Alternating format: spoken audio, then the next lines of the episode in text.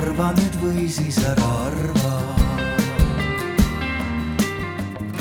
vaatame siis, kas keegi, keegi ka postkontori töötaja, jah, nende töö on tõepoolest ju hoopis teistsugune kui enne tootmistööline, automatiseerimine on ju seda tohutult äh, muutnud. veokijuht, jah, autod ei ole ju äh,, meie veokid ei ole enam sellised, nagu nad olid äh, minu lapsepõlves kasvõi, need on hoopis teistsugused.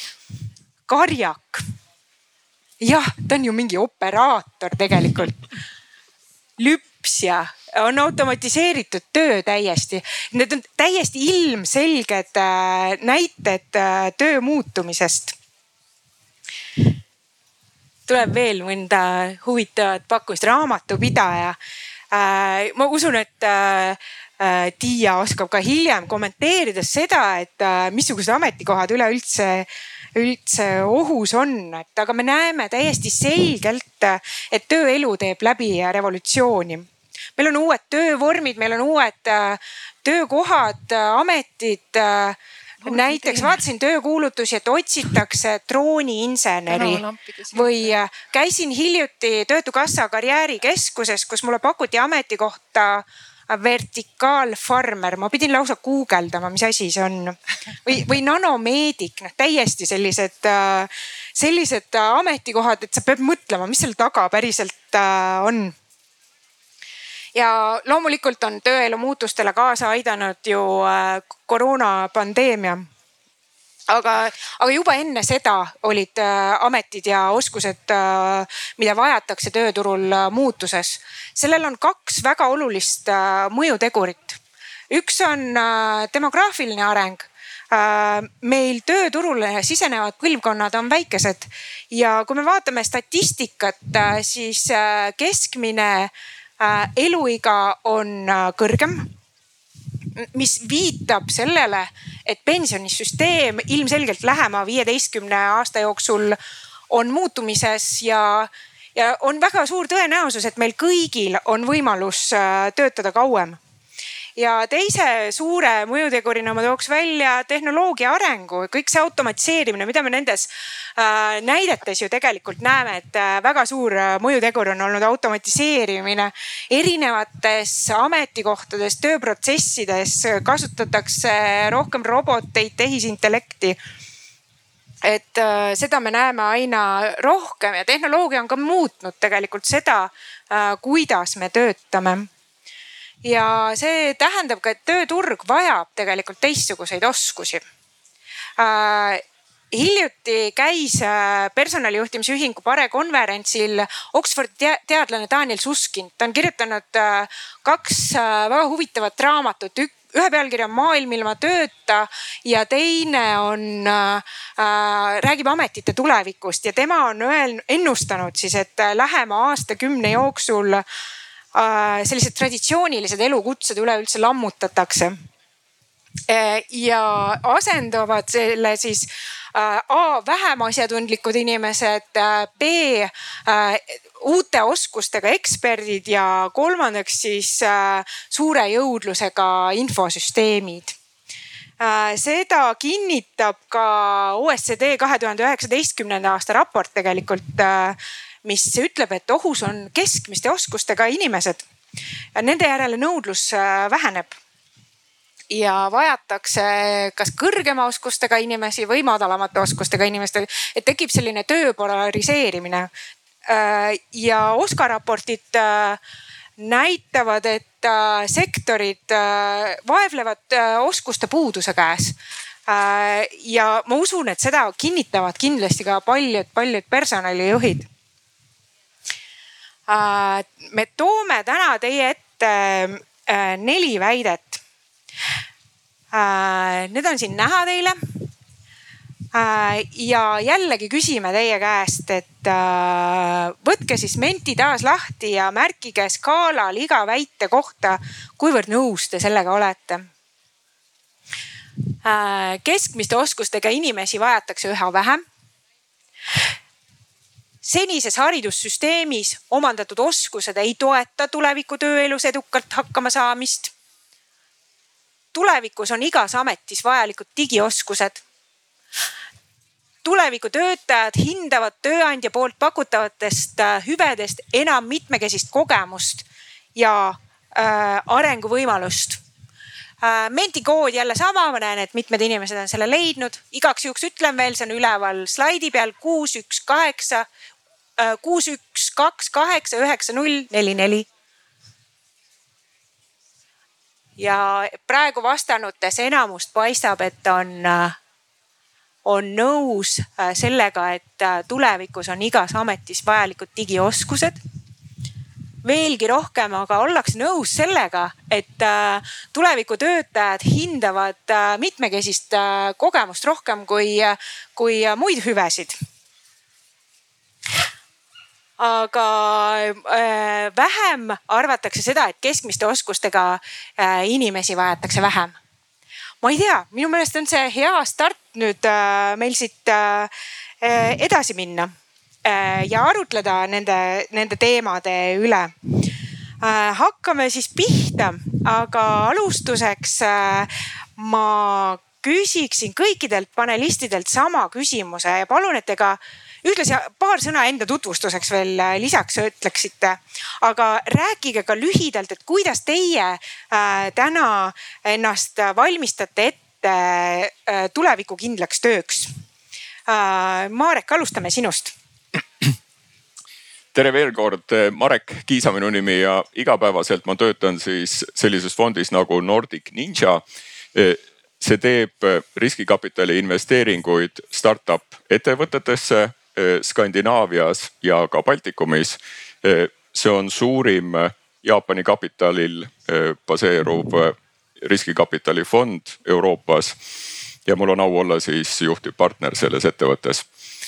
meie näeme igapäevaselt me oleme tänaseni investeerinud viit, viiteistkümnesse ettevõttesse ja näeme igapäevaselt, kuidas maailm muutub. on need siis, siin tuli autojuhi teema või veoautojuhi teema üles, oleme invest-, investorid Rootsi ettevõttes nimega Einride, kes asendab siis veoautod juhiga, veoautod siis isesõitvate elektriliste veoautodega ja nii edasi mõne sõnaga ka võib-olla siis minu enda kokkulepe, et eh, ma olen ettevõtja eh, baasharidusega eh, siis masinaehitaja magister. Ja mina tegin oma viimase kümneaastase kokkuleppe ehk siis ka mingit moodi kannapöörde saamaks siis investoriks. ma käisin selleks eh, kaheaastase koolituse läbi eh, Silicon Valley's eh, midagi, mille nimi on siis Kaufman Fellows programm, mis on kiirendatud õpe, kuidas siis riskikapitaliste ette valmistatakse oma töödeks. Ja, ja minu jaoks oli siis see kümme aastat noh, nii-öelda siis iseendaga kokkulepe, et kuna fondid, investeerimine on hästi pikk protsess siis fondide juures peab olema vähemalt kümme aastat, siis see oli minu kokkulepe ja, ja ümberõpe selleks. vali välja huviala ja tee selle äh, arenguplaan. ma võtaks selle niiviisi kokku. just Tiia minu nimi on Tiia Randma ja ma olen Kutsekojas tööjõu ja oskuste vajaduse prognoosisüsteemi OSKA eestvedaja. kus me oma tublide tarkade kolleegidega püüame siis aru saada sellest, missugune on tööturu ja tööjõu ja oskuste vajadus lähema kümne aasta vaates ja seda Eestimaal erinevatel elualadel aga mina nii sihikindel ja pikaajaline planeerijana ei, ei ole kui sina. et pigem teen spontaanseid otsuseid ja, ja valmistan ennast tulevikuks ette eh, selles võtmes, mis parasjagu vaja. ehk et tegelikult ma olen selliselt ka hariduselt äh, hästi laia ampluaaga õppija. et omandanud magistrihariduse muusikapedagoogikas ja koorijuhtimises, siis elu tegelikult tegi kannapöörde minu jaoks. Äh, et järgmisena tuli ärijuhtimine, aga siis sattus ette ettevõtlusõpe ja sellega seotud doktorantuur hoopis äh, Tehnikaülikoolis, et, et, et elu on viinud just nimelt nii erinevatele tahkudele. et äh, see ei ole juhtunud plaanipäraselt, vaid tegelikult sellest, mis on nagu ette tulnud ja mis on tundunud põnev. ja vot ma tahakski öelda, et tegelikult see, mida elu ka ette veeretab ehk et kui oleme eemalt paistmas, äh, näeme silda, siis tuleb mõelda läbi, mis meil vaja on selleks, et seda silda ületada ja ja, ja praegune töö on taaskord selline, mis võimaldab igapäevaselt või õigemini nõuab, et igapäevaselt sa loeksid kõiki neid samu raporteid, millest sa juba kõnelesid. ehk et hoiaks silma peal, need tundlad püsti kogu aeg sellele, et mis toimub maailmas, kuhu need ettevõtted arenevad, kuhu, äh, kuhu need teadmised ja oskused suunduvad, mida meil kõigil vaja on. minu meelest tõid sa välja ka olulise asja tegelikult, et äh, inimesed õpivad erinevalt, et kui ühel on oluline äh, pikaajaline plaan, siis sinu puhul on pigem töötab paremini selline spontaanne õppimine vajaduspõhiselt ja hädavajadus, ma ütleksin, ma räägiks selle loo, et kui, kui, kui tuli Siri siia iPhone'i, siis, siis ma olin üsna oskamatu tahtsin helistada, aga Siri on ees ja ütleb, et how can I help you. mina ütlen, et go away ja siis ta ütleb, miks sa mind ära ajad, et mis ma paha olen teinud. Go to sleep. Siri never sleeps et et eh, noh, hädavajadus ajab tegelikult õppima, et, et sa pead ju hakkama saama, sest et, et, et tagasiteed ju ei ole, kes meist tahaks seda vändaga telefoni, et, et kõigile meile ju meeldib siit võtta siis FaceTime või, või, või näiteks lapselaps, kes helistab, heliseb, heliseb võõras telefon ühel päeval, vaatan, ütlen hästi ametlikult, Tiia Randma kuuleb ja mulle ütleb vastu rõõmus hääl, no Anna, see olen mina, Elli. ma ütlen, et mis telefonil sa helistad, see on võõras number. see polegi telefon, see on nutikell, ma sain kooli mineku puhul nutikella.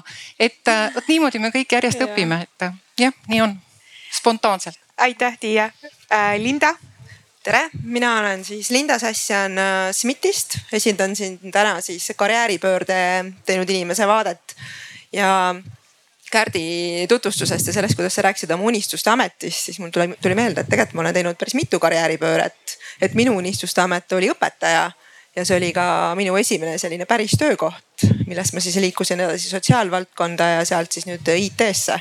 muuseas, õpetaja võiks ka olla üks, kelle ametikoht on muutunud eriti seoses selle pandeemiaga, eks ole. oli jah, olemas jah? ja, ja täpselt aga et kui tulla selle juurde, et, et kuidas mina valmistun tulevikutööks, et võib-olla ma ühe targa otsuse, otsuse olen juba teinud, et ma siirdusin IT valdkonda, mis äh, nagu me siin oleme juba maininud, äh, on kõiki valdkondi läbiv valdkond, et, et. ja tõenäoliselt sa nõustud selle väitega, eks? absoluutselt ja ma veel nõustun selle väitega, et äh, senises haridussüsteemis omandatud oskused ei toeta tuleviku tööelus edukalt hakkama saamist. nimelt ma tulin just sellisest, selliselt ürituselt nagu jõustruktuuride sportmängud, kus siis IT-maja inimene nagu mina proovib siis ähm, politsei eest ära joosta ja vangivalvurite eest ära joosta ja mul on rõõm tõdeda, et ma ei jõua nende eest ära joosta, et see tekitab minus turvatunnet aga, aga samu, samamoodi proovisin ma seal vana rasva pealt ka kaugushüpet teha. et keskkoolis viimati hüppasin ja ma ei saanud liivakastile pihta esialgu sest tuleb välja, et, et kui keskkoolis äh, see liivakast on sellele tõkkepuule väga ligidal, siis tänapäeval see enam ei kehti, et see tõkkepauk või see tõkkepakk oli väga kaugel, nii et, et päris keeruline oli, et jah täpselt. aga kui me räägime äh, Mareki puhul sellist pikaajalisest plaanist ja Tiia puhul spontaansest õppimisest, siis äh, kuidas sinu õppimisviisid on? ma arvan, et ma lähen sa? pigem nagu sinna Tiia, kaldun Tiia poole, et, et pigem nagu spontaanselt, aga siin võib-olla ongi see, et, et mis mulle omane on, on hoida silmad lahti, vaadata, tunnetada ära, et mis on see, mis paneb mul silma särama näiteks IT-valdkonna jõudmisele eelnes tegelikult see, et kümme aastat ennem seda juba oli mul mingi kogemus, mis mulle jäi meelde ja mulle jäi meelde, et, et see on tore, see on äge ja kunagi ma tahan seda teha. noh, sinna läks kümme aastat, aga ma jõudsin sinna mm. -hmm. et äh, ta võib-olla isegi natukene vahepealne. just, ma tahtsin öelda, et see on nagu äh, miksitud äh, nendest kahest, eks ju täpselt mm, -hmm. aga noh, sealjuures ongi see, et tuleb silmad lahti hoida, nagu Tiia ütles ja tuleb ennast pidevalt äh, äh erinevate valdkondade arengutega kursis hoida, õppida ka selles ametis, kus sa oled praegult, õppida oma kolleegidelt ja, ja mõelda, kuidas see kõik sind tulevikus võib edasi viia. ja mis on hästi oluline, et me võime siin rääkida erinevatest spetsiifilistest oskutest, oskutest, mis tulevikus võib-olla on äh, vajalikumad või vähem vajalikumad, aga on ka kindlasti teatud sellised pehmed oskused, mida saab igas ametis arendada, näiteks äh, inimestega suhtlemise oskus ja läbirääkimiste oskus ja sellise, sellised sellised oskused, mida arvuti ja IT kunagi enam ei asenda. Mul on sulle nii palju küsimusi, aga ma tahaks enne anda sõna veel Ingridile ka, et ta saaks ennast tutvustada, rääkida, kuidas tema ennast tulevikutööks ette valmistab. ja noh, tere! Minu poolt ka Ingrid Viinapuu ja mina siis vean eest personalivaldkonda Telias. Ja äh, mõtlesin nende õppimise strateegiate peale, et äh, täiskasvanud õppija ju äh, teadupärast õpib väga erinevalt. see vana hea seitsekümmend, kakskümmend, kümme printsiip, kus tegelikult seitsekümmend protsenti õppest, õppimisest, arengust ju toimub tegelikult nagu töö käigus. et ma arvan, et see ongi see, et elu sunnib ja, ja seda ma arvan, on minul ka viimased poolteist aastat kindlasti hästi palju olnud. et just sellist vajadusepõhist õpet, aga muidu ma arvan, et ikkagi sellised mikro õppimised, sama see uudishimu, elu vastu üldiselt, mis toimub, mis trendid on ja, ja tegelikult siis nende seoste leidmine minuga. Mis on need asjad, mis mind köidavad, mis mul on varem hästi õnnestunud, et äh, mul on äh, rõõm ja õnn olla töötanud siis Telias tegelikult väga kaua ja mõtlesin, just rääkisime karjääripööretest, siis ma mõtlesin, et ma olen teinud Telias, ma arvan, circa kuus karjääripööret. aga lihtsalt, et eh, olles täna küll personali nii-öelda direktori rollis, olen ma kunagi alustanud sekretäri, müügijuhi, suurkliendi haldurina, siis eh, olnud personaliarendus, just teinud ka IT-arendust, olnud testija, analüütiku, tootejuhi rollis, tooteomaniku rollis on ju teatud personalitoodete puhul neid arendanud ja, ja olnud toeks meie nii-öelda tehnoloogia inimestele pikalt, et, et tegelikult see kõik on, on nagu kasvatanud mingeid erinevaid oskusi ja, ja sellist nagu kindlustunnet, et ma arvan, et, et see on nagu midagi. ajalehepoisist miljonäriks äh,? mitte seda, aga nagu.... Aga peaaegu peaaegu, aga ja ma arvan, et ikkagi selline spontaansus, mhm. vajaduspõhisus tegelikult ja, ja sellised õpiampsud on see, mis mind iseloomustab õppimises aitäh, aga ma arvan, et äh, liigume tagasi sinna suure pildi juurde äh,. et, et meil tekiks selgus äh,, kes ennast täna peavad üldse ohustatuna tundma küsin Tiia sinu käest, et sinul on kõige värskemad raportid, kõige värskemad andmed. mida OSKA raportid ütlevad, millised sektorid on ohus, millised ametikohad on ohus? sa küsid hästi traagiliselt, kes on ohus, et, et ma kardan, et, et me ehmatame kõik ära, sest tegelikkus on ju see, et, et niikaua kui me elame sellel laiuskraadil, kus me oleme ja oleme füsioloogilised olendid, siis meil on vaja süüa, meil on vaja katust pea kohale, meil on vaja tuba, sooja tuba. ehk et äh, väga paljud sektorid jäävad alles või valdav enamus neist jääb alles. lihtsalt oluline sõnum on see, et, et need sektorid, kes ei arvesta keskkonnamõjudega on sellised ärimudelid on lähiajal kindlasti suure riski all, et selliseid ärimudeleid võib olla erinevatel elualadel, mitte ainult noh, energeetika on see, kus me mhm. teame meie põlevkivi ja kus me räägime sellest kõva häälega ja palju.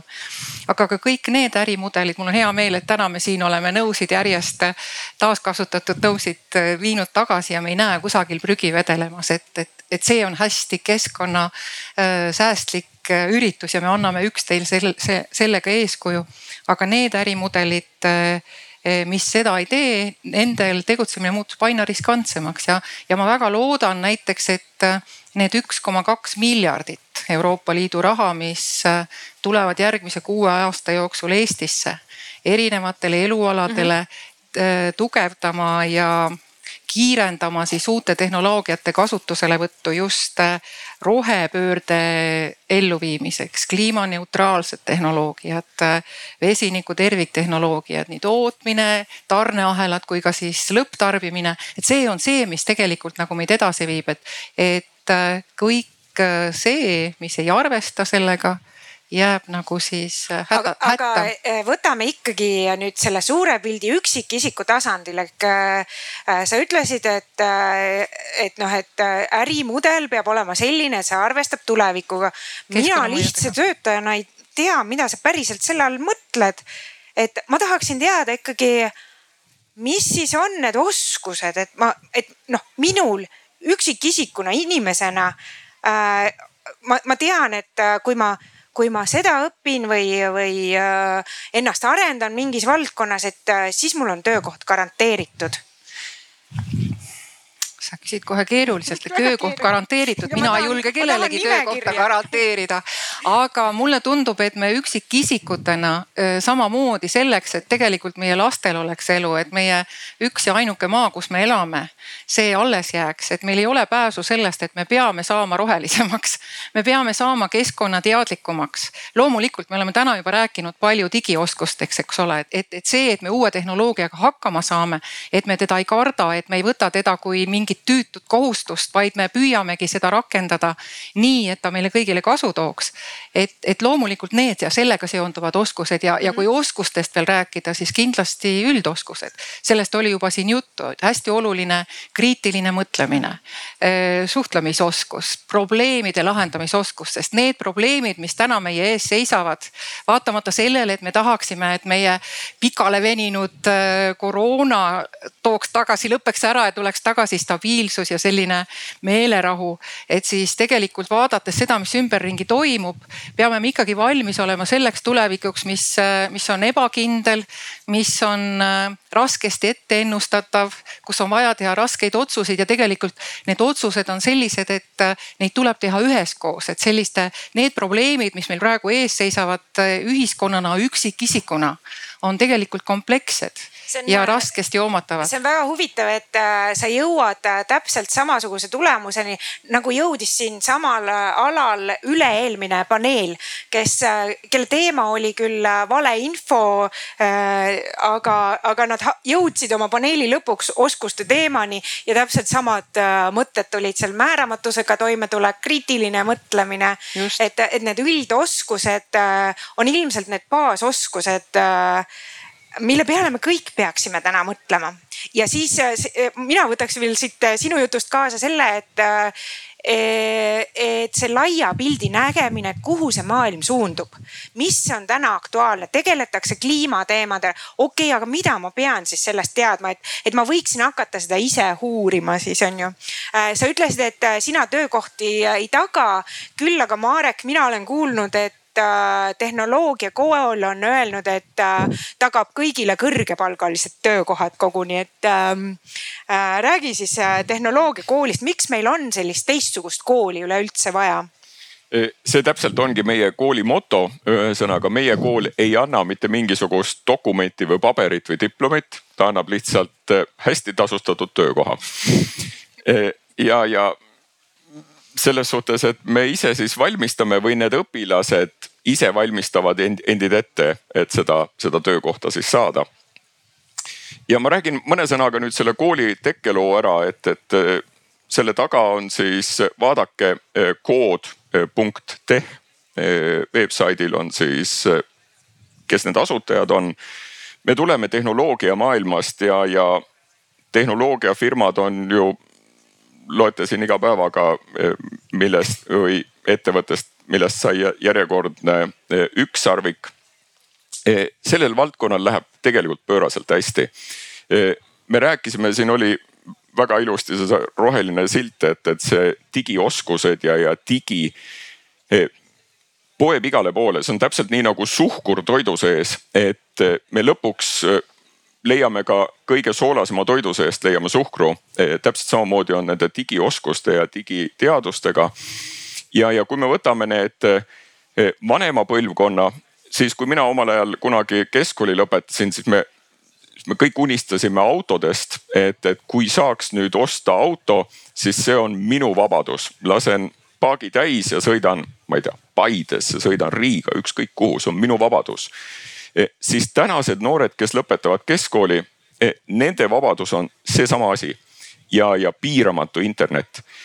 see on nende vabadus, nemad ei unista enam autodest. Ja, ja, ja nad tahavad saada, noh, ütleme siis nii, et, et eh, mobiil, järgmine samm võib-olla hästi kiire internetiga siis laptop arvuti, kus nemad teevad siis oma õppimistööd. Ja tegelikult siin on juurdepääs noh kõigile maailma tarkustele, et eh, ole ainult eh, asjalik ja oska otsida tulen kooli juurde tagasi. ja ma tahan veel enne öelda, mis mind äh, alati natukene äh, täpiliseks teeb, äh, kui õppimisest räägitakse, on, et, et justkui noored ainult õpiksid. tegelikult me ju tahame, et me kõik õpiksime ma nüüd tulen tagasi selle kooli asu, asutamise loo juurde, et, et, et meil on puudu täna selle tehnoloogiafirmade eh, sektoris hinnanguliselt viis tuhat, võib-olla isegi kaheksa tuhat eh, tehnoloogia spetsialisti või ka neid, kes, kes tahavad, oskavad koodida. ja me panime õlad kokku või seljad kokku ja, ja asutasime sellise kooli, kus ei ole õpetajaid, eh, kus on, kus õpe pakutakse tasuta seal on kakskümmend üks erinevat taset, eh, mis tuleb läbi käia ja igaüks dikteerib oma kiiruse ise.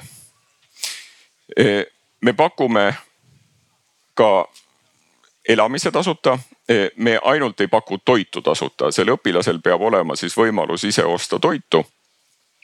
me panime selle kooli Jõhvisse. Niikaua kuni maja saab valmis, siis me teeme ajutiselt seda kooli Sillamäel täna just kolmkümmend minutit tagasi lõppes siis teise batch'i sprint, nagu me kutsume, kolmenädalane siis ettevalmistusprogramm, mis lõpeb siis eksamiga. ja meil oli kokku kolm tuhat kolmsada huvilist, kes näitasid huvi selle, selle kooli vasta, et tulla meile õppima. Nendest siis valisime välja kahesajase batch'i esimeseks sprindiks ja teise kahesajase batch'i teiseks sprindiks. kokku koolis alustab sügisel kakssada õpilast. toon, toon teile natukene statistikat mm, -hmm. et meil oli sellest kolme tuhande kolmesajast üks protsent olid PhD-d ehk doktorid, teaduste doktorid, siis oli mm, bakalaureuse kraadiga kakskümmend seitse protsenti, siis äh, keskharidusega kolmkümmend üks protsenti ja, ja magistriharidusega kuusteist protsenti. E, mis on veel huvitav number et, et nelikümmend protsenti olid tüdrukud ja, ja, ja, ja siis viiskümmend seitse protsenti poisid, kolm protsenti ei defineerinud oma sugu. kõige vanem oli seitsmekümne seitsme aastane e, huviline ja, ja keskmine vanus oli kolmkümmend koma neli aastat mm. -hmm. kas sa ütled ka need protsendid äh, sissesaanutest? ei ütle veel, sellepärast et kolmkümmend minutit tagasi äh, lõppes, lõppes eksam ja, ja mul ei ole värsket infot veel teises batch'is ma käisin, käisime äh, kohtumas nende õpilastega. kõige vanem õpilane või siis selles batch'is oli kaasas kuuekümne kolme aastane insener. ja, ja mina siiralt hoian talle pöialt, et ta saab sisse. sest ta oli masinainsener, nii nagu minagi, et meil omad, omad suhted. aga nüüd ma tulen siis tagasi, et, et kuidas see kooli valimine käib, siis seesama kolm tuhat kolmsada tegid läbi siis see oli vist kolme või neljatunnine kognitiivsete testi, kognitiivsete oskuste testi. ja, ja sealt siis valiti siis need kahesajased seltskonnad. mis asi on siis see sprint? sprint kolm nädalat on siis need kakssada õpilast tulid siis Sillamäele ja ja nad said praktiliselt, ma ei tea, kas te olete näinud sellist äh, filmi nagu Näljamängud, et äh, suhteliselt sarnane. kas see oli teil äh, värbamisprotsessi e eeskuju? noh, ütleme niiviisi nii, et, et kõik, kes tahavad kooli saada, peavad, peavad silmaringi laiendama. ellu jääma ja see tähendab, et, et siis iga hommik on sul vaja ülesanne ära lahendada. näiteks programmeeri kokku kõige lihtsam ussimäng seina peal on kirjutatud suurelt, kui ei oska, siis kasuta Google'it. kui Google'ist abi ei, ei saa, siis küsi oma naabri käest.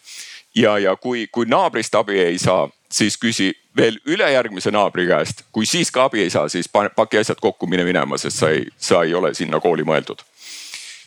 ja, ja see on selline isejuhtimise loogika mida me tahame siis või leida need inimesed, kes oskavad iseendid juhtida ja, ja tahavad õppida. reedel olid siis eksamid, siis olid kõik internetist nii-öelda välja lülitatud, pidid siis oma, oma jõududega tegema.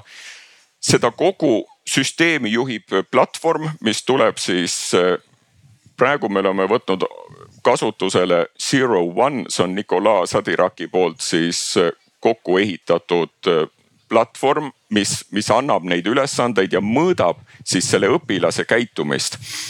Ja, ja, ja ta mõõdab ka siis niiviisi seda käitumist, et millise grupiga ta kõige paremini kokku öö, sobis, sobitus kuni selleni välja, et eelduseks ei ole programmeerimisoskusi, siis üks, kellel grupis on programmeerimisoskused, võib ise õpetada teisi õpilasi. Ingrid, ma küsin sinu käest, kas tehnoloogiakool lahendab ära meie Äh, inseneride või, või arendajate probleemi, kellest meil pidevalt puudus on? kõlab küll äh, nii, et äh, ja kuulasin Marek sind ja siis mõtlesin, et huvitav, kas tulevikukool hakkabki olema selline, et, et tegelikult selline artificial intelligence ehk nagu arvuti või tehisintellekt siis juhib, juhib seda, kes, mida, mis tempos, kuidas ja koos kellega õpib. et õpetaja, et huvitav, mis see õpetaja roll siis, kas üldse saab hakkama olema, sest ust ei ole väga lahti teha ju, kõik käib ju kiipidega ja mobiilidega saab ju avada kõike, on ju, et, et isegi ruumi pole vaja lasta aga ma arvan, et see on igal juhul väga tervitatav, tervitatav muutus Eesti hariduselus. et selline võimalus tõesti puhtalt oskustel põhinev, on ju aga mulle nagu väga imponeeris ka see, mis sa ütlesid, Marek, et teie valikukriteeriumid taaskord on ju kognitiivsed testid, et ikkagi see isiksus inimene ise kõigepealt, milline sa oled, milliste võimekustega sa tuled, ükskõik, mis on olnud sinu eelnev kogemus on ju, et see ei defineeri sind. et kus, kust sa tuled ja minult tekkis kohe küsimus Lindale, et kuule, kui sa poleks Vali IT kaudu oma karjääripööret teinud, kas sa nüüd oleksid läinud ma isegi kaalusin ka praegult minemist, me ikka kodus vaatasime, mõtlesime, et kas me hakkame neid teste tegema, aga siis äh, sa võid muidugi täpsustada, aga see on vist sihukene mitmekuune protsess on seal see on kahe, kaheaastane protsess no, ja, ja, ja ta eeldab ikkagi füüsilist kohalolu mm. -hmm seoses selle Covidiga, ma oleks tahtnud õudselt vahele segada siin ennem, kui me rääkisime. ühtepidi me näeme, et, et see, see Covid on olnud tohutuks katalüsaatoriks kommunikatsiooni poole pealt. Ma, ma ise julgen enda töö juurest öelda, et, et ma pole elus kunagi nii palju tööd teinud, kui nüüd siin Covidi ajal.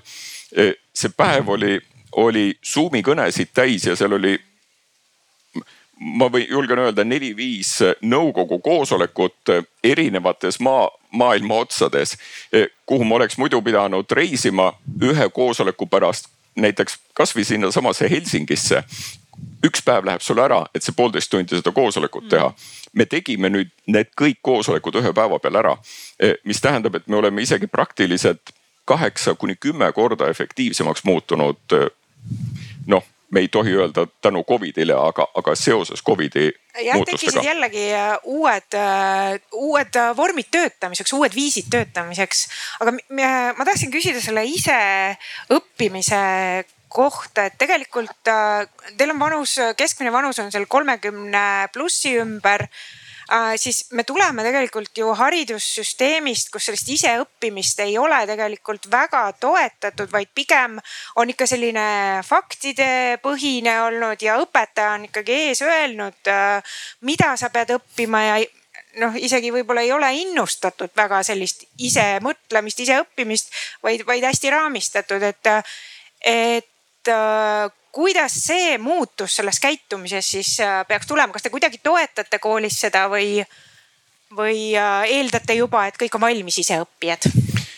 E, selles suhtes e, Nicolas Sadirak, kes on kogu selle metoodika taga olnud, tema ütleb niiviisi nii, et, et e, selles õppe-batch'is peab olema kakssada õpilast vähemalt, siis hakkab see tiimidünaamika hakkab tööle ja, ja, ja, ja sellest kahesajast inimesest tulevad välja eh, juba need õpetajad ise, kes või noh, nagu tiimiliidrid mingit mm. moodi, kes hakkavad eh, õpetama.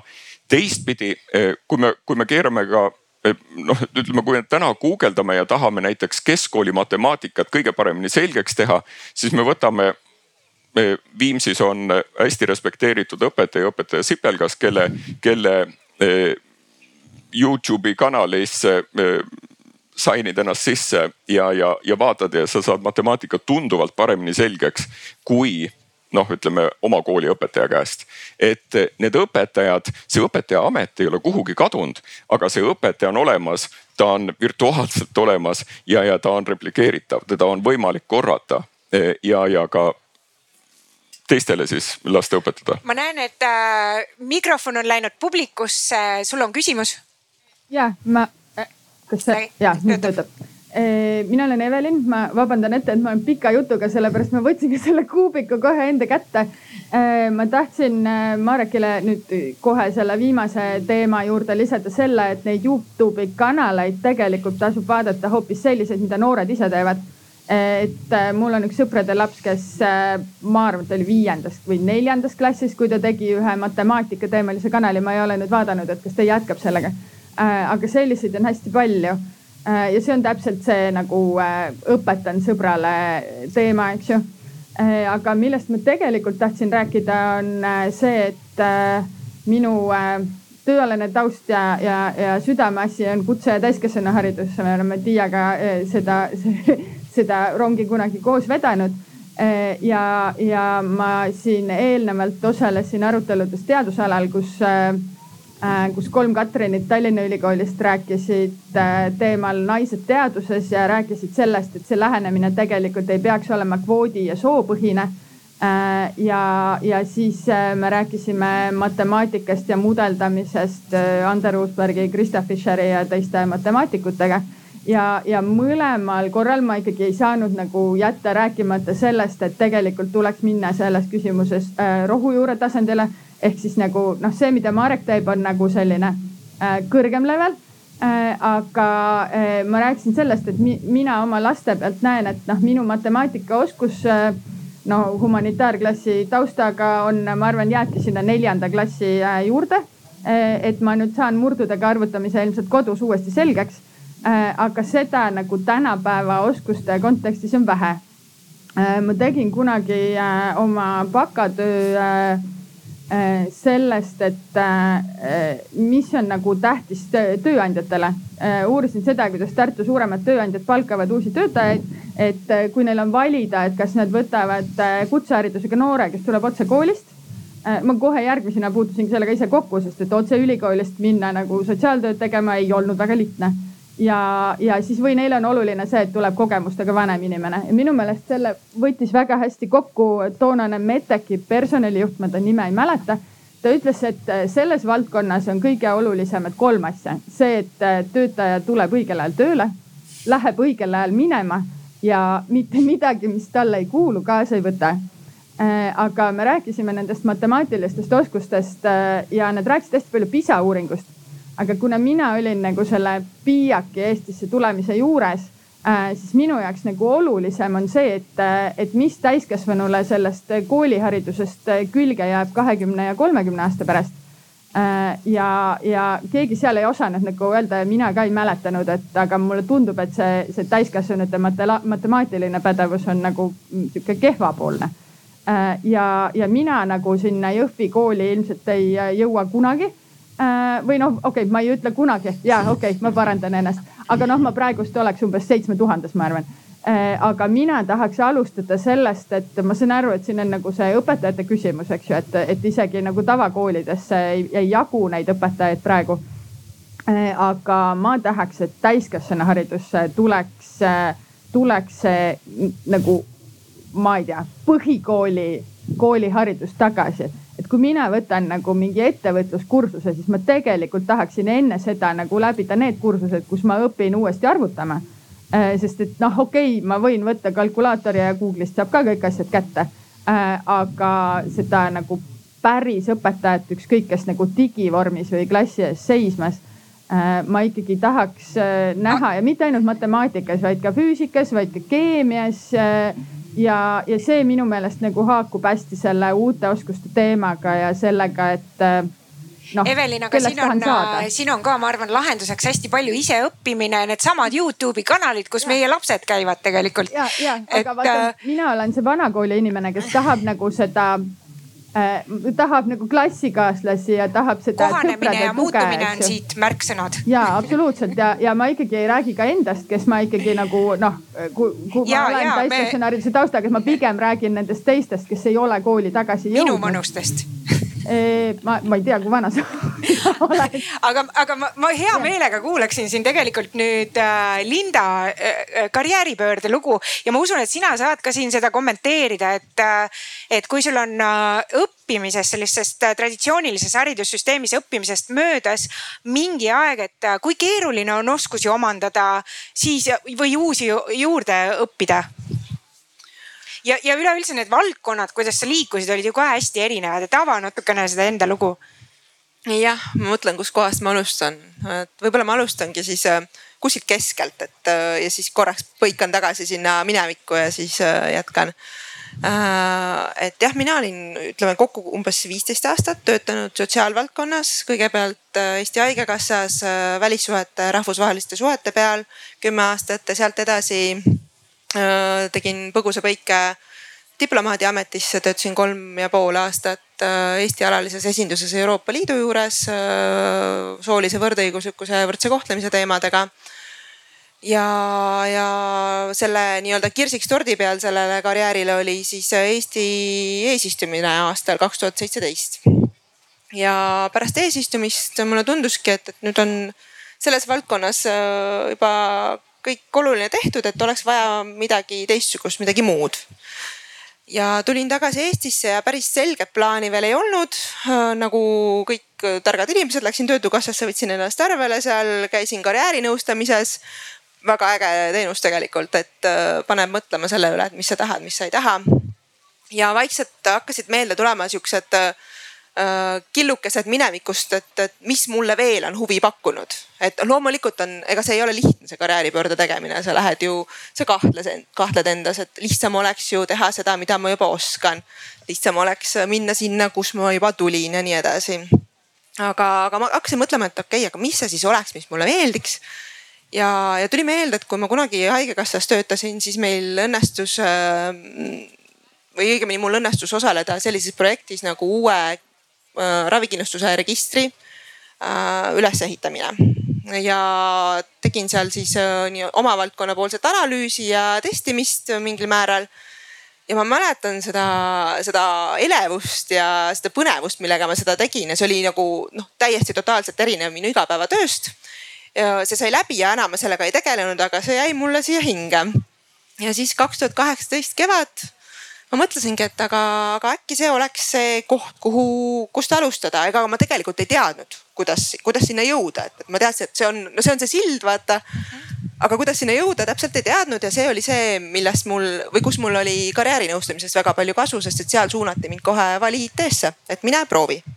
ega see vali IT ei ole ka nüüd täpselt selline, et lähed koputad uksele, et siin ma olen ja võtke mind vastu et, et seal tuli ka ikkagi äh, katsed läbida, vestlusvoor ja päris igaüks sinna ei pääse, et seal on eelduseks see, et, et sul on juba olemas mingisugune äh, kõrgharidus mingisugusel mitte IT-alases valdkonnas äh, või on see sul pooleli ja et, et sa ei ole valdkonnas väga palju väga suurt kogemust omandanud, ehk et nad tegelikult tahavadki teistsuguse kogemusega inimesi äh, IT-valdkonda. Äh, õnnestus mul siis äh, see ruumilise võimekuse test üllatuslikult läbida.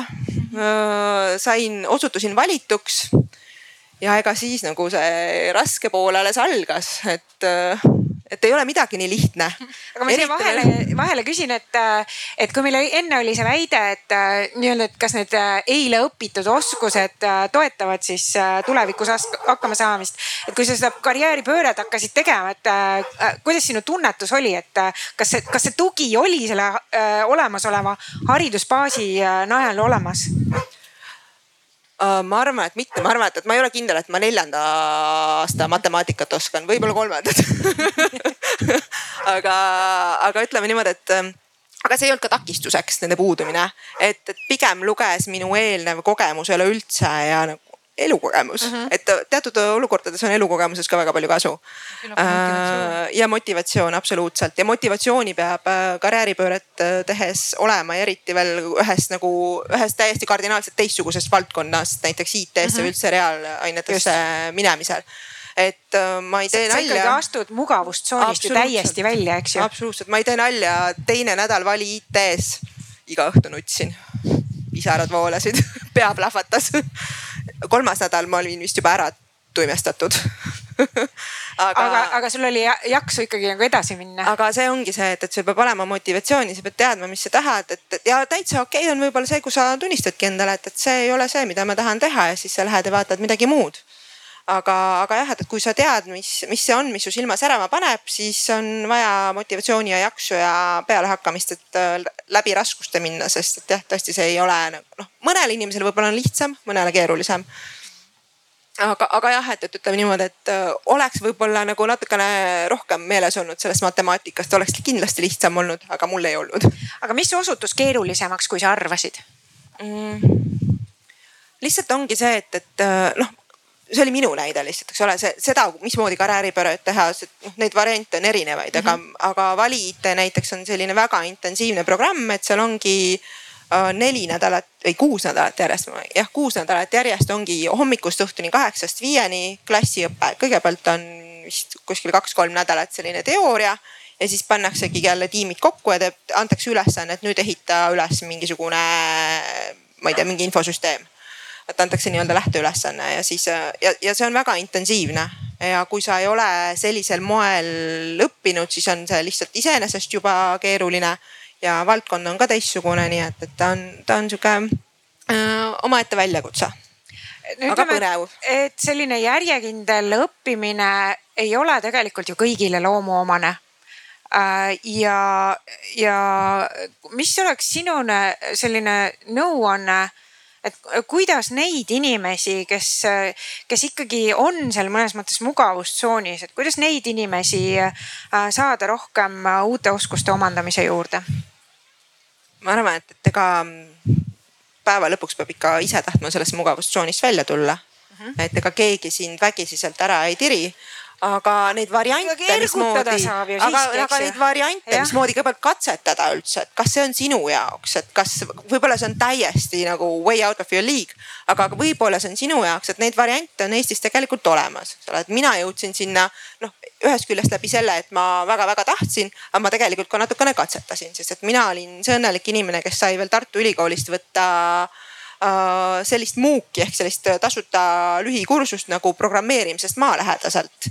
ja, ja selle jätkukursust, et kus ma, kus ma saingi natuke nii-öelda juhend ka niimoodi mm, õppematerjalide ja kaugjuhendamise teel proovida, kuidas see programmeerimine on äh, ja see oli iseenesest väga põnev ja see, see, see no toetas seda minu arvamust, et, et see on see valdkond, kus ma tahaksin olla, et kas ma peaksin just progeja olema, see on üks asi, aga IT-valdkonnas on väga-väga palju erinevaid äh,, erinevaid ameteid.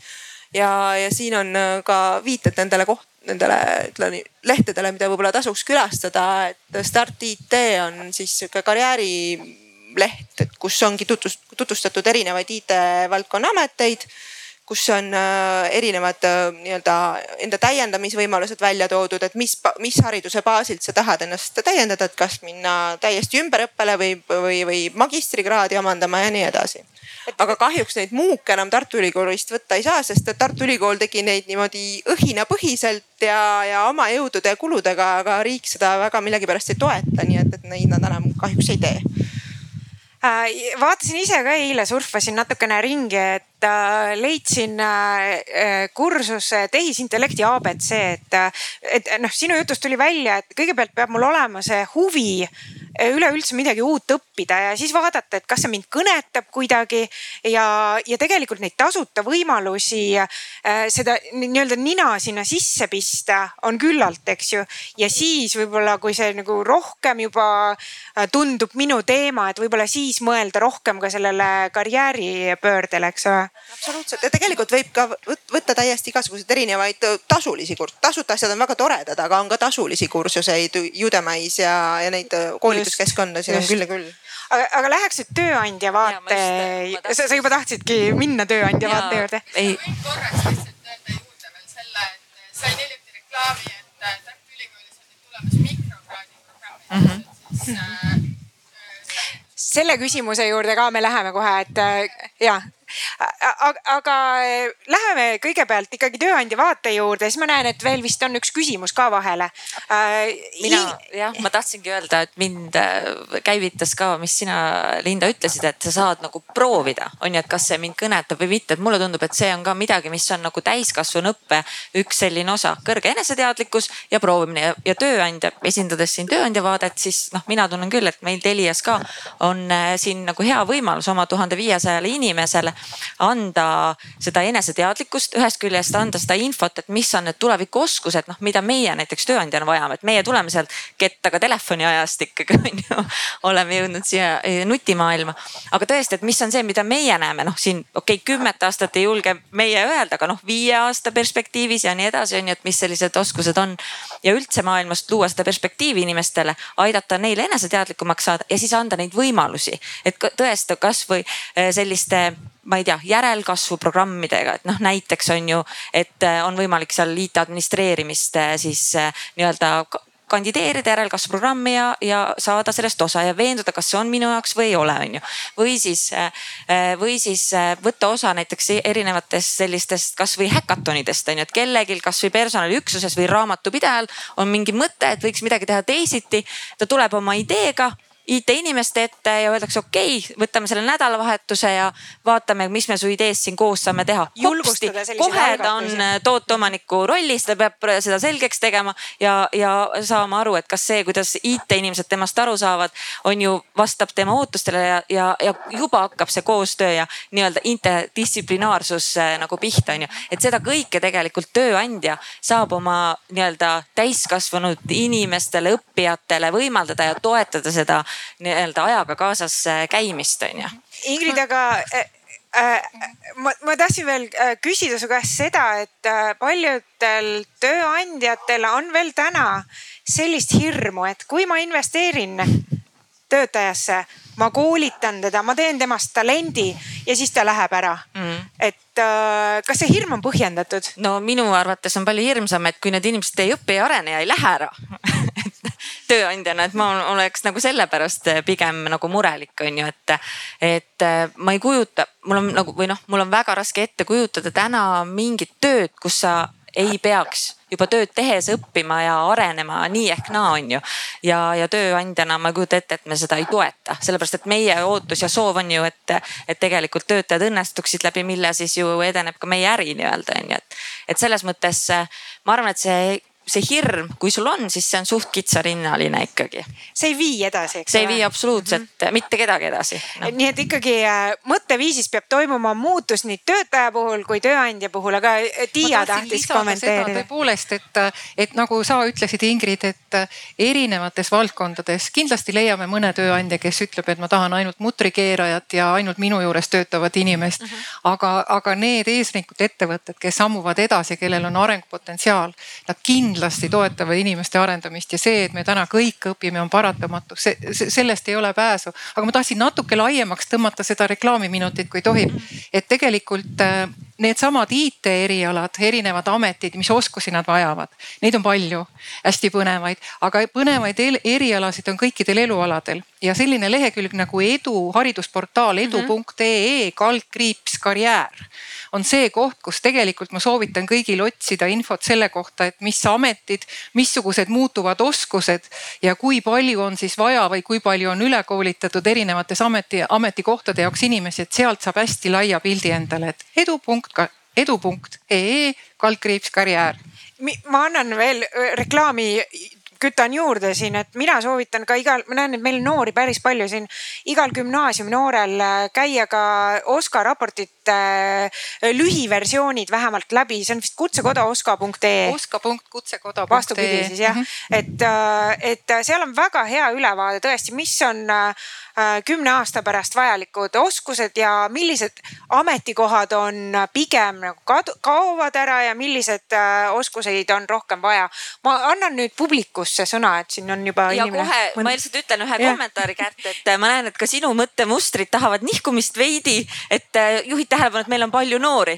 ise just rääkisime, et ega noorused, noored ei pea ainult õppima ja kümne aasta pärast ei, endale plaani tegema. Ingrid, Ingrid, ma viitasin gümnaasiumi äh, inimestele, et nad võiksid vaadata seda äh, Oscar raporteid. meie võime ka vaadata juba nagu. jumal, ma eeldan seda teilt, ma isegi ei hakka teile soovitama, see on midagi, mis on iseenesestmõistetav. aga Selge. nüüd äh, anname, anname sõna publikusse Tõnu Ploopuja siis bioloog ja antud juhul räägin kui evolutsionist. ja mind hakkas enne häirima kangesti see, kus kohe kaug-. nii on väga hästi. nii on parem. et mind hakkas häirima see mm, koolihariduse nii-öelda see neljanda klassi matemaatika ja selle materdamine. ei no siin, siin oli ikka selline noh, niimoodi mm. -hmm. et, et tegelikult on ju inimesel ja, ja ütleme, et see on valesti õpetatakse ja nii edasi. jah, õpetatakse tõesti valesti, sest on üks mingi standard, mida õpetatakse kolmeaastastele, kolmeteistaastastele, kahekümne kolme aastastele ja viiekümne kolme aastastele kuidas õpetada, aga inimene pidevalt muutub ja inimese õpisuunduvus, sisemine õpitung selle aja jooksul pidevalt muutub. ja, ja kolmeaastast on võimalik ümber õpetada, kolmeteistaastast ehk ka. aga edasi vanematel inimestel ümberõpe kui selline on senise elule kriipsu peale tõmbamine ehk sa oled lollisti valesti elanud. Linda, kuidas sa kommenteerid seda? saab olla ainult täiendõpe, täiendõpe toetudes, toetudes olemasolevale.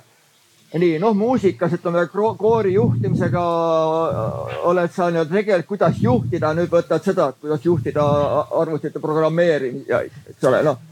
teise valdkonda, eks ole, üks on kätega vehkimine, teine on mõtlemine, aga sa on ikkagi see äh, on väga huvitav intriig, mul on, oleks siin väga palju äh, oma kogemusest näiteid tuua, kus äh, ma olen teatris töötanud, balletitantsija on liikunud kokaks, see tähendab, et tema endine elu on kriipsu peale tõmbav. me võiksime selle intriigiga minna väga kaugele, aga ma kõigepealt küsiksin Lindalt sellele kommentaari, et kuidas sa tunned, kas sa tõmbasid oma endisele elule siis kriipsu peale, see oli täiesti mõttetu, et sa ei kasutanud oma aega juba varem selle õige variandini jõudmiseks no absoluutselt, nii see oli ei, aga tegelikult ma arvan, et, et noh, eks tõde on seal ka, mille selles, mida härra ütles äh,. aga ma arvan, et, et minu eelnevad oskused, minu eelnevad kogemused toetasid seda, kuhu ma jõudsin.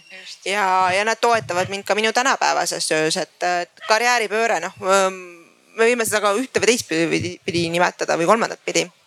aga aga miks näiteks praegult, kui mina näiteks oma tiimidesse töötajaid värban ja nii-öelda ka, töö, ka tööandja rollis olen. et ma väga hindan seda, kui inimestel on kuskilt erinevast valdkonnast kogemust, et ja see, see tavaliselt toetab, see annab laiema pildi ja see tavaliselt toetab seda, mis nad praegult teevad et ega ta ei ole kindlasti eelneva elu maha kriipsutamine või, või sellele järeldusele jõudmine, et ma olen kõik valesti teinud, et kindlasti ei ole, et ma arvan, et ma tegin kõik õigesti ka selle maani, kuni ma otsustasin, et ma nüüd hakkan teistmoodi tegema. Marek, sa e, tahad kommenteerida? sügelen, tahan vastata, ühesõnaga meil oli hästi huvitav statistika tuli äkki, oli laua peal, et, et, et kõige paremad progejad on muusika taustaga kes on nooruses muusikat õppinud ja, ja, ja teistpidi, eh, kui sa võtad nüüd need, kes juba oskavad programmeerimiskeelt luua ise. Need on noh, ütleme need composer'id või, või siis heliloojad, eks ole. ja, ja noh, sealt tuleb see loovuse moment sisse, aga, aga seal oli nagu väga selge paralleel nende õpioskustega, mis, mis sa olid siis noh, kuhu sa olid saavutanud läbi muusika mm -hmm. ja, ja siis kanaliseerudes siis võib-olla programmeerimisse. ma võin siit edasi arendada, et, et tõepoolest mina olen hakanud ka enda elus mõtlema seda, et tegelikult kõik eelnev on olnud vundamendi ladumine sellele, kuhu ma tänaseks olen jõudnud. ja muusika ei ole midagi muud kui matemaatika, et äh, kvint, viis, kvart, neli ja nii edasi ja, ja mina ise avastasin enda jaoks, kui ma hakkasin analüüsimisega tegelema põhjalikumalt, et tegelikult ju avastasin, et see mulle meeldib siis ma tajusin seda, et tegelikult kõik need äh, läbi tehtud muusikateose analüüsid mida ma samamoodi nautisin, lõid mulle seda vundamenti, mida ma siis edaspidi andmetega hakkasin tegema. ja, ja täna hommikul siin haridusalal eh, loovusest rääkides jõudsime me selleni, Ivi, et, et selline huvikoolide õpimudel, kus tegelikult noor laps on koos ühe oma ala korüfeega ma räägin nüüd endast, siis laste muusikakoolis mu klaveriõpetaja ja mina, me oleme kahekesi. ta isiksusena kujundab mind, spordis treener, kunstikoolis kunstiõpetaja, kes on ise isiksus. ehk et see mudel, kus on vähe noori koos, kümme, nagu täna oli jutuks kunstikoolis ja siis noor inimene, kellel on aega kellel on motivatsioon tegeleda sellega, mida ta teeb ja õpetajal on tema jaoks aega, võiks äkki olla see selline ideaalne haridusmudel tulevikus, kuhu me siis selle noore generatsiooniga võiksime liikuda, et me jõudsime sellise mõtteni täna, et see, see härra aitas mulle selle praegu meelde tuletada, et, et tegelikult muusika on matemaatika ja, ja neid seoseid erinevate siis erialade ja eh, ainete ja didaktikate vahel on väga lihtne leida, kui sa, kui sa hakkad neid ükskord mustris nägema, aga et selleks sa pead neid erinevaid, erinevaid elualasid ja erinevaid erialasid nagu sügavuti tundma, et, et siis see tuleb. Äh, siit publikust on äh, tulnud ka äh, täiesti sobiv kommentaar, et IT-s töötamiseks ei pea tingimata olema tugev reaalainetes. arvestades rollide rohkust IT-s leiab oma kutsumuse ka humanitaarainetes särav. koodi kribamine on vaid üks paljudest rollidest IT-s, nii et sobib väga hästi selle jutuga, mis siin just räägiti.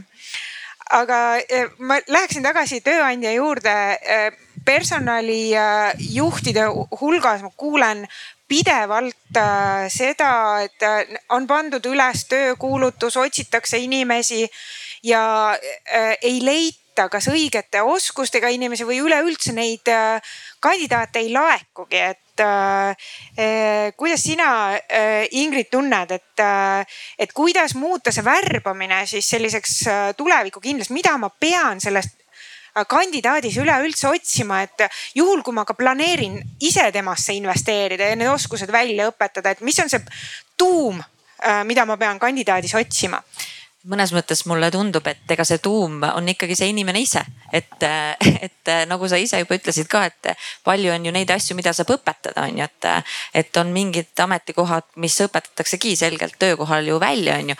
aga siis ongi see inimene ise, et tegelikult kogu selle värbamise pöörata hoopis ikkagi inimese isiksuse, hoiakute, suhtumise, kõige selle peale, et, et ma just mõtlesin ka siin seda, et noh, mis on need asjad, mida me tööandjana inimesed inimeste juures vaatame, on ju tegelikult ikkagi see, et seesama visadus on ju, äh, siis tõesti see uudishimu elu kui sellise vastu, äh, avatus kõik äh, uue suhtes, et ma arvan, et need on mõnes mõttes needsamad asjad, mida ikkagi ka näiteks seal tehnoloogiakoolis vaadatakse või noh, mis on üldse selles mõttes nagu inimese puhul olulised selleks, et nii-öelda olla võimeline eluga kaasas käima, et kas me räägime siis tööelust, on ju, või, või eluga nagu üldse selleks, et, et seda pikka eluiga sisukalt täita, mis meid ju kõiki ees ootamas on, on ju.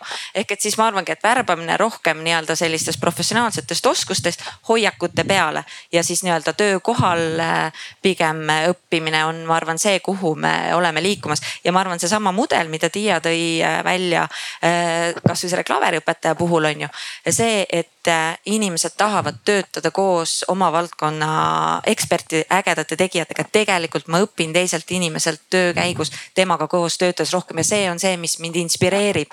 ja, ja minu arust Eesti on nii väike, et siin on küll ikkagi seda, et sõna levib ja, ja ma ise vaatan ka vahest seda, et eh, kui küsitakse, et kas sa soovitad eh, kuhugi tööle minna, siis ma küsin ka, et aga kes see juht seal olema saab, et kel, kelle juurde sa, aa tema. ja kuule, see võiks küll nagu olla sul nagu hea mõte, et kui keegi karjäärinõu küsib, on ju.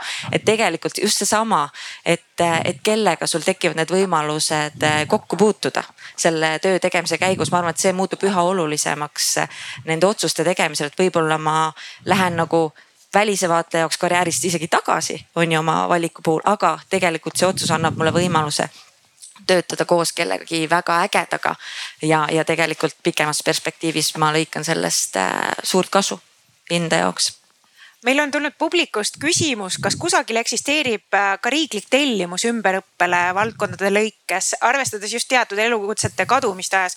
ma arvan, et Kutsekoda ja Töötukassa vist teevad siin äh, suurt koostööd. ja see on tõsi, et Töötukassa väga selgelt võtab arvesse kõik OSKA uuringutest tulnud tulemused, võib-olla vahel isegi liiga tugevasti, sest et, et vaata on niimoodi, et on, on elualasid, kus tööjõuvajadus väheneb. Aga tegelikult hõivatute arv ei vähene, see tähendab seda, et seal lähevad inimesed pensionile, töötajate arv jääb samaks, aga neid, kes lahkuvad pensioneerumise tõttu, on palju. Ja sinna töötajaid juurde asendusvajadusena oleks ikkagi vaja. aga, aga see mm, aga Töötukassa võtab koolitada neid ainult, kus hõivevajadus kasvab, eks ole, et siin on väikene vastuolu, aga põhimõtteliselt Töötukassa tõepoolest arvestab sellega, mida siis ütlevad uuringud ma tahtsin Tiia sinu käest veel küsida ka äh, nende keskmiste oskuste kohta, millest me alguses äh, väitsime siis, et, et keskmiste oskustega inimeste järgi mhm. vajadus väheneb. kuidas sina sellist tööde polariseerumist kommenteerid? vaata, sellega on niimoodi, et kui me alustasime aastal kaks tuhat viisteist, siis me lugesime brittide uuringutest juba, et toimub just nimelt see selline nagu liivakella mhm. moodi mm -hmm. areng, et keskelt tõmmatakse kõvasti kokku, kes ei jõua sinna ülemisse serva ülespoole ennast kraapida nii-öelda tehnoloogiliste oskustega, need kukuvad põntsaki alla ja peavadki tegema lihttöid. et kui me vaatame seda, mis Eestis toimub, siis äh, sellistel kontoritöökohtadel me täna juba seda näeme ehk et äh, raamatupidajad olid siin üleval, eks ole, et siis lihtsamad tööd, kõik on automatiseeritud, seda teevad programmid või personalitöö või administratiivsed ülesanded. et seal see tõepoolest täna ka Eestis juba on nähtav.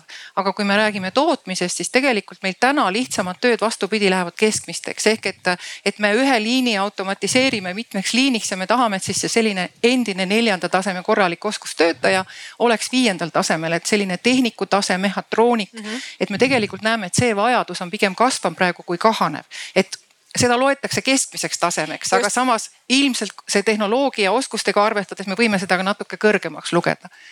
kõrgemaks kui keskmine ehk siis kõrgete ja keskmiste oskustega, oskuste järele vajadus äh, siiski on. et pigem need, kellel on väga madalad äh, oskused, et need võiksid ennast nii-öelda upgrade ida siis päris kindlasti, kui me räägime tootmisest ja et seal sellist väga lihtsat tööd olema üldse ei saagi. kui me räägime ühiskonnast laiemalt, siis kindlasti jäävad ju alles ka lihtsad tööd nii erinevate teenuste näol, eelkõige siis erinevate teenuste näol et ka neid on vaja teha, aga neid äh, reeglina arenenud ühiskonnas, kuhu me Eestis oleme juba ka jõudnud, kohalikud teha ei taha, et.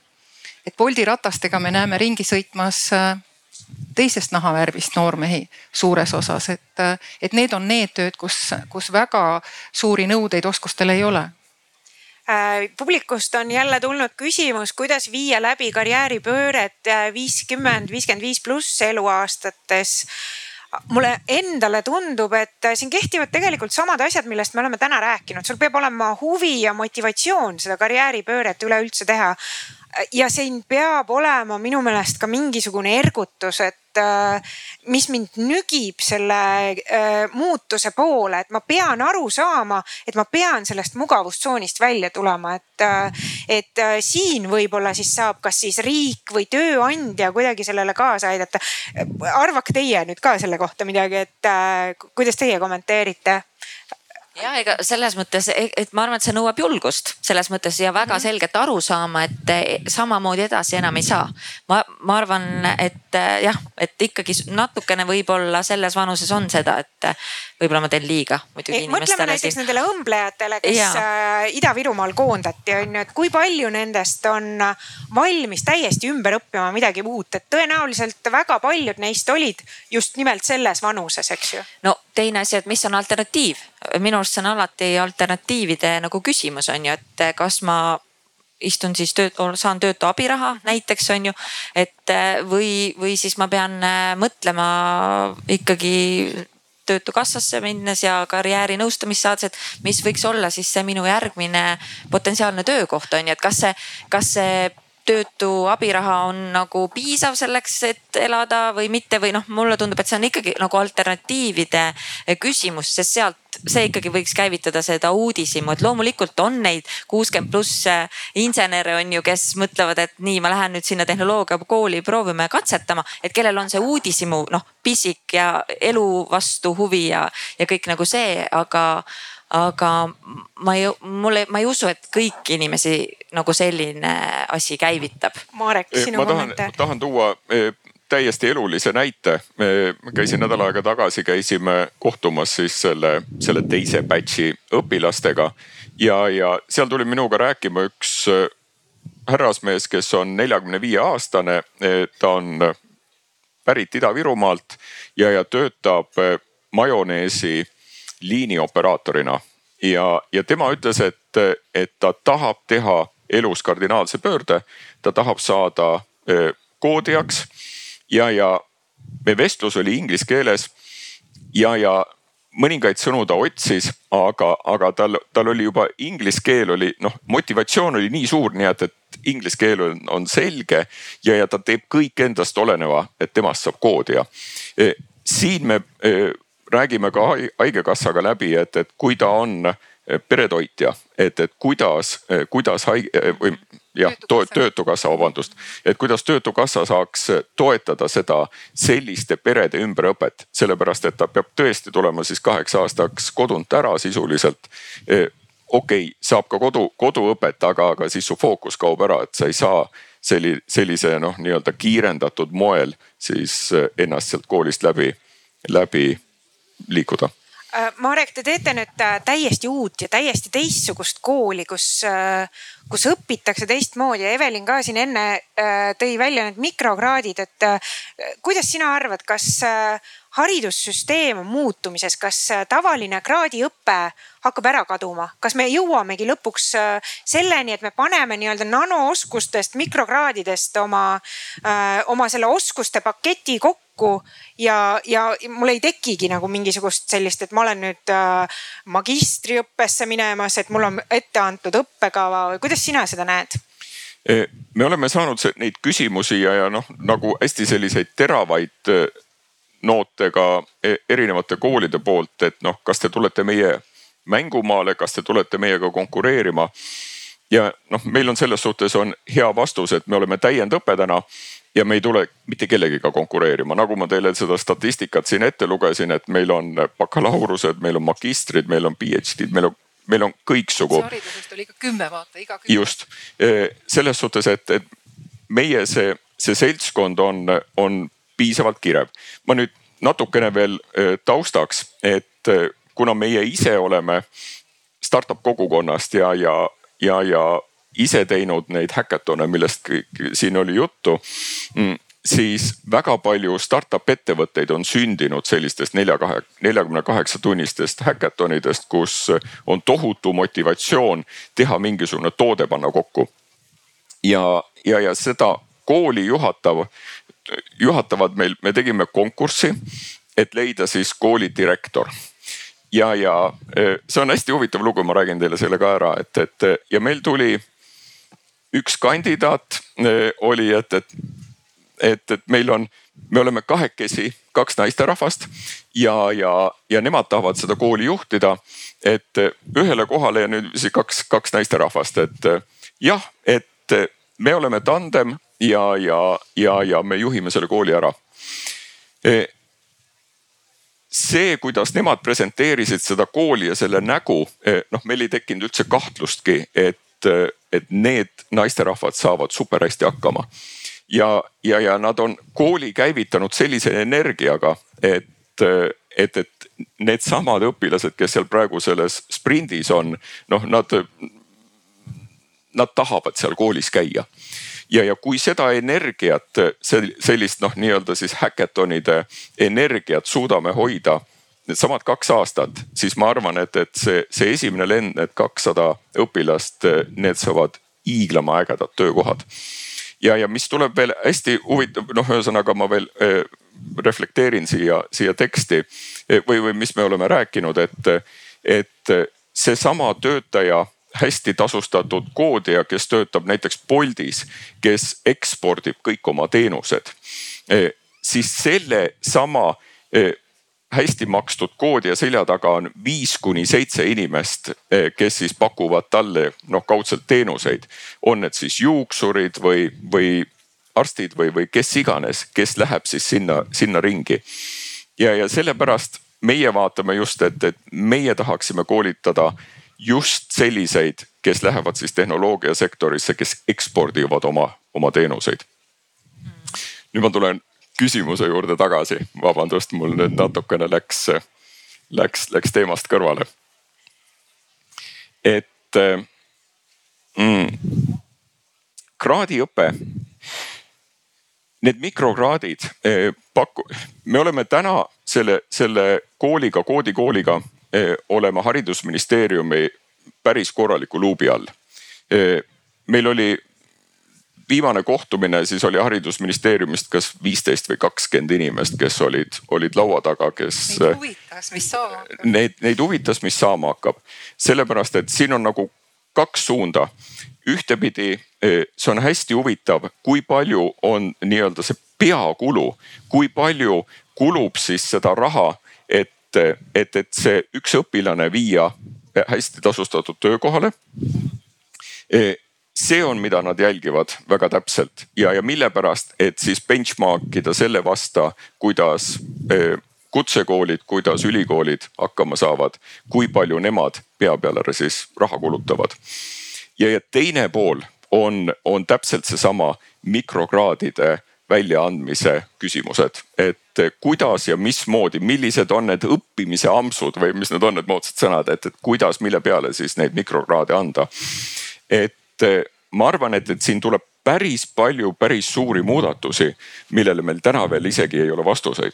mitte tööelu ei ole ainult muutumises, vaid ka hariduselu on äh, muutumises. Sest ma tahaksin just lisada seda, et vaata hariduses on olnud juba selliseks äh, viimased kümme aastat vähemalt äh, selliseks suureks probleemiks see, et noored ei käi enam otsast lõpuni kooli läbi, vaid nad lahkuvad, see IT-s on eriti, eriti selge. et äh, aga ka teistel erialadel, nii kutseõppes kui kõrghariduses, et, et võetaksegi mingi tükk ja siis lastakse jalga. seda enam, et tegelikult ka täna on juba tasemeõppes õppivad täiskasvanud inimesed. kutseõppes on nelikümmend protsenti neid inimesi, kes on täna töötavad inimesed. ehk et, et see on paratamatu saatus, et see, see süsteem peab muutuma, sellepärast et tegelikult meil on ju vaja, et need inimesed õpiksid erineval viisil, kas tasemeõppes või täiendkoolituses, aga nad õpiksid. ja et see õppimine peabki saama paindlikuks, kõigile kättesaadavaks ja mikrokvalifikatsioonid seda me, just võimaldavad. me jõuame ka algusesse, kus äh, tegelikult äh, juba teie näitel tuli välja, et äh, see õppimine ongi inimestel väga erinev ja neid võimalusi peakski pakkuma väga paindlikult ja väga erinevalt. teate, mul mul on väga kahju, meil hakkab aeg otsa saama. Äh, aga meil on äh, publikust äh, tulnud veel mitu küsimust. ma võtan siit järjest ette. Te vaatate seda, aga teile üllatuseks küsin hoopis midagi muud. tööandjana, Ingrid, milline on valik?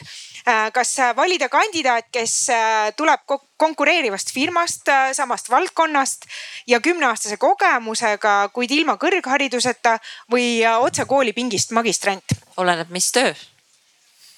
peab aru saama, mis, mis tööga on tegemist selles kontekstis aga ma pigem valiks ikkagi kogemusega inimese. ja kas personalijuhina mina tahaks öelda, et äh, loeb ikkagi jälle see inimene, inimene, just nimelt, et millised ja. on tema väärtused ja selle sobivus organisatsiooni ja tiimiga, eks ole, et äh, äh, ja, ja siis sealt edasi on juba need valikud, et, äh, et kas see on äh, kogemus või, või värskelt omandatud haridus, mis on nagu kõrgema väärtusega sellel hetkel Kärt, ma võib-olla siin täiendan natukene, et äh, kuna tegelen ka ise oma tiimidesse värbamisega, et see võib ka täpselt nii nagu Ingrid ütles, et nii ja naa olla. et aga aeg-ajalt on juhtunud ka niimoodi, et see kümneaastane kogemus, ma ei tea, ühest samast ettevõttest võib tähendada võib-olla kümme aastat mitte kõige paremat kogemust. et võib-olla mingid halvad harjumused sisse mhm. kujunenud mm -hmm. ja nii edasi, et see on täiesti äh, noh, oleneb kontekstist ja oleneb inimesest, kuhu sa värbad. hästi nõus. kõigil on võimalus.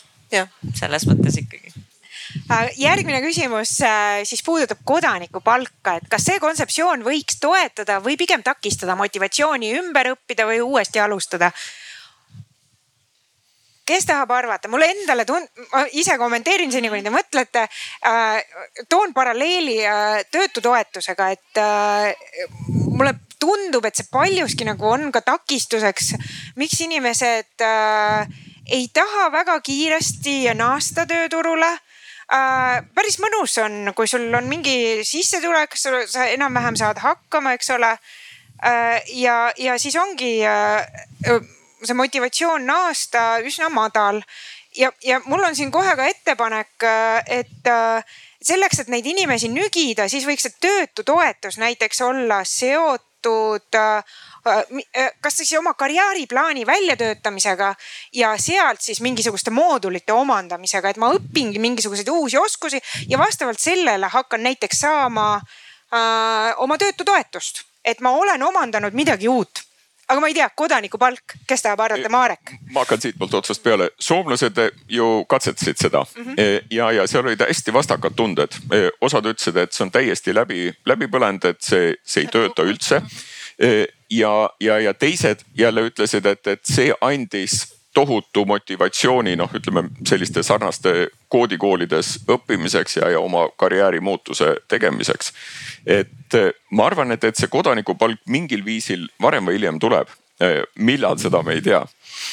ja mille arvelt? ja mille arvelt kindlasti jah ja. aga kas kodanikupalk on meil juba mingites valdkondades ju olemas, kultuurivaldkonnas, eks ole, kirjanikupalk? Aga neid, neid, kes seda saavad, on väga vähe. Neid on väga vähe. ja osad isegi võiks, keelduvad, eks ole. kes võiks saada, on palju suurem, et aga kas nad sellest kirjutavad rohkem või, või vähem? mul on väga, samamoodi väga kahetised tunded nagu, nagu sa ütlesid soomlaste kohta, et, et mulle tundub, et, et see peaks siis nagu olema mingite tingimustega seotud, kas siis äh, sellega, et ma midagi õpin või ma midagi ühiskonna heaks teen kasulikku mm -hmm. või et vabatahtlikuna panustan äh, kellegi aitamisse või et see ei saa olla lihtsalt. selle eest, et ma olemas olen. selle eest, et ma ilus olen, eks, et, et mulle tundub, et see ei ole õiglane teiste ühiskonna või, või jah, see ei ole õiglane mina arvan, et ta ei, kui rääkida motivatsioonist, et ega ta ei tõsta ega madalda seda motivatsiooni, ta võib-olla lihtsalt mõjutab käitumist. Kui sul on motivatsioon ümber õppida, uuesti alustada, siis see võib-olla nii-öelda fassiliteerib seda sul.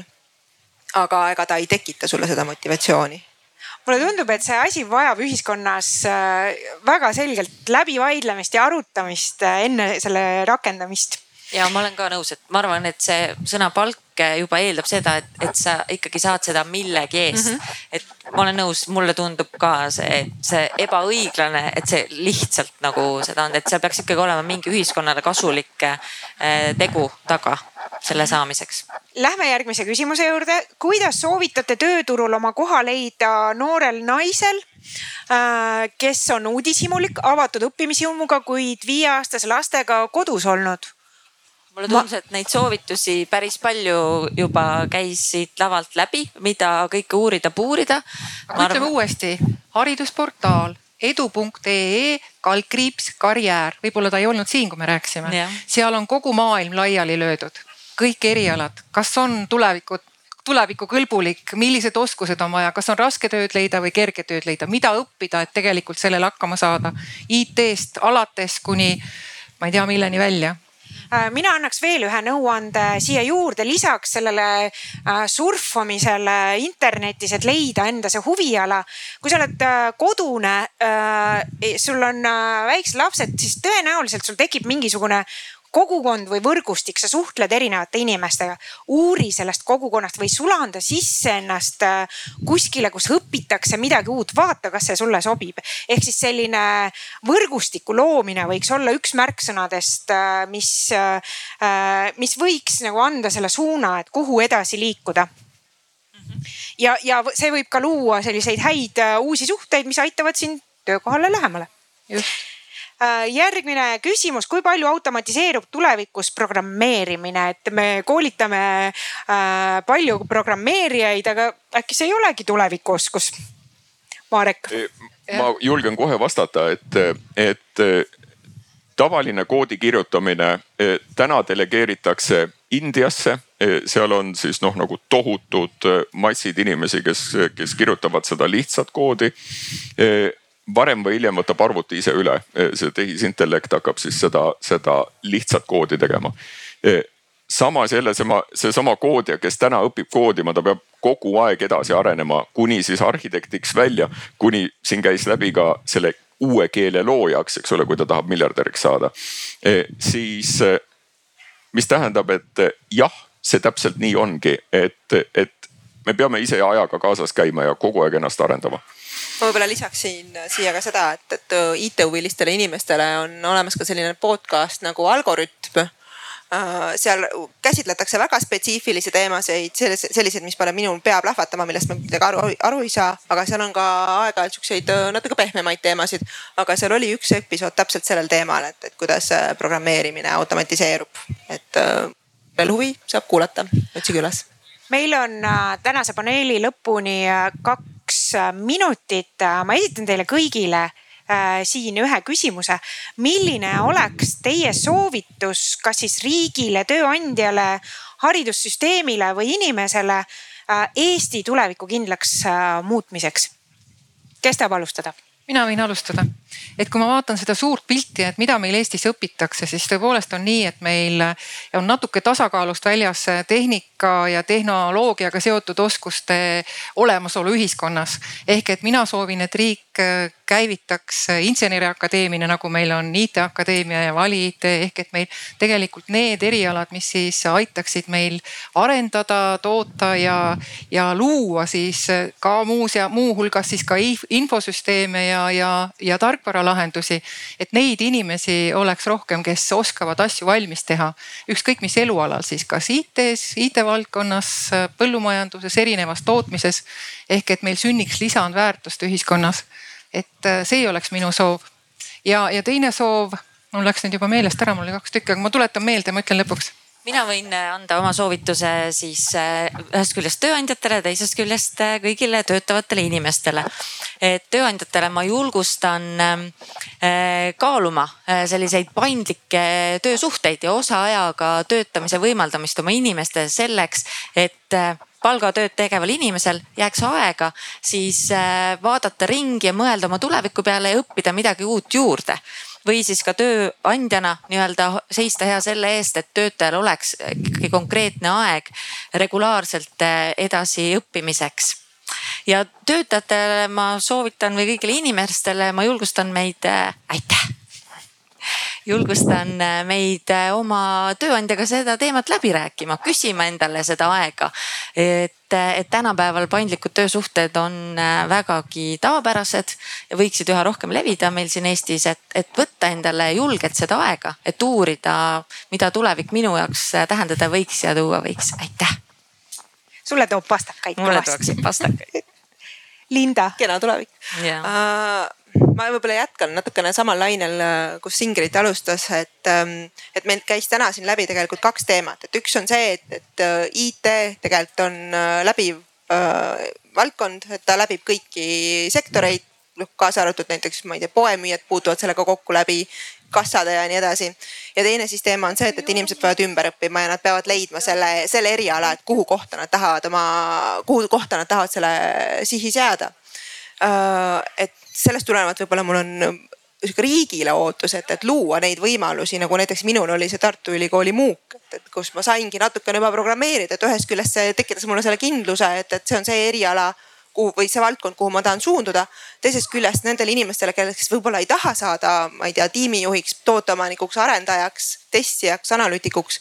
et nemad, nendel vähemalt tekib arusaam sellest, et mismoodi see IT on nende igapäevaellu nii-öelda põimitud et, et äh, ja soov, et riik võib-olla mõtleks selle peale ja toetaks sellist tegevust. Marek, sinu soovitus? minu soovitus on äh, kõigepealt ühtepidi julgust äh, sisse süstida inimestesse ja, ja teistpidi, mm, teistpidi elukestev õpe ja, ja julgust proovida erinevaid alasid, sellepärast et, et jube lihtne on nagu enesealetsemisse seisundisse minna ja, ja öelda, et oh, ma ei saa hakkama ja see on nii kuramuse keeruline ja nii edasi, nii edasi. et võtke endid kokku, te saate kõik hakkama ja, ja, ja, ja täpselt on meie seesama Jõhvi koodikool on me näitame, et need inimesed saavad hakkama, kellel pole mingisugust kogemust olnud sellesama koodimise poole, poole, poole pealt. Ja, ja kindlasti, kui, kui me riigi poolt vaataksime, siis, siis meil on üks ainukene maavara ja need on needsamad eestlased ja need meie, meie inimesed, Eesti inimesed, kes, kes on oma oskustega tas-, ütleme, taastoodavad seda, seda riiki ja, ja mida targem on see Eestimaa pere, seda, seda paremini meil läheb. seda kõrgem on SKP-d Äh, seda näitavad äh, teiste riikide, Põhjamaa riikide äh, tulemused. mitte ainult skp, vaid õnneindeks. ka õnneindeks täpselt, võtame või Soome siinsamal mm -hmm. kõrval. aitäh Ingrid, Linda, Tiia ja Marek. publiku käest on veel üks küsimus publikule tegelikult ähm, kokkuvõtteks palun anna hinnang oma väitele, kui kindlalt usud, et sul on kümne aasta pärast töökoht vaatame, kui tulevikukindlad me täna ennast tunneme. oo milleks õppida uusi oskusi, kui juba tulevik on ei, kohal?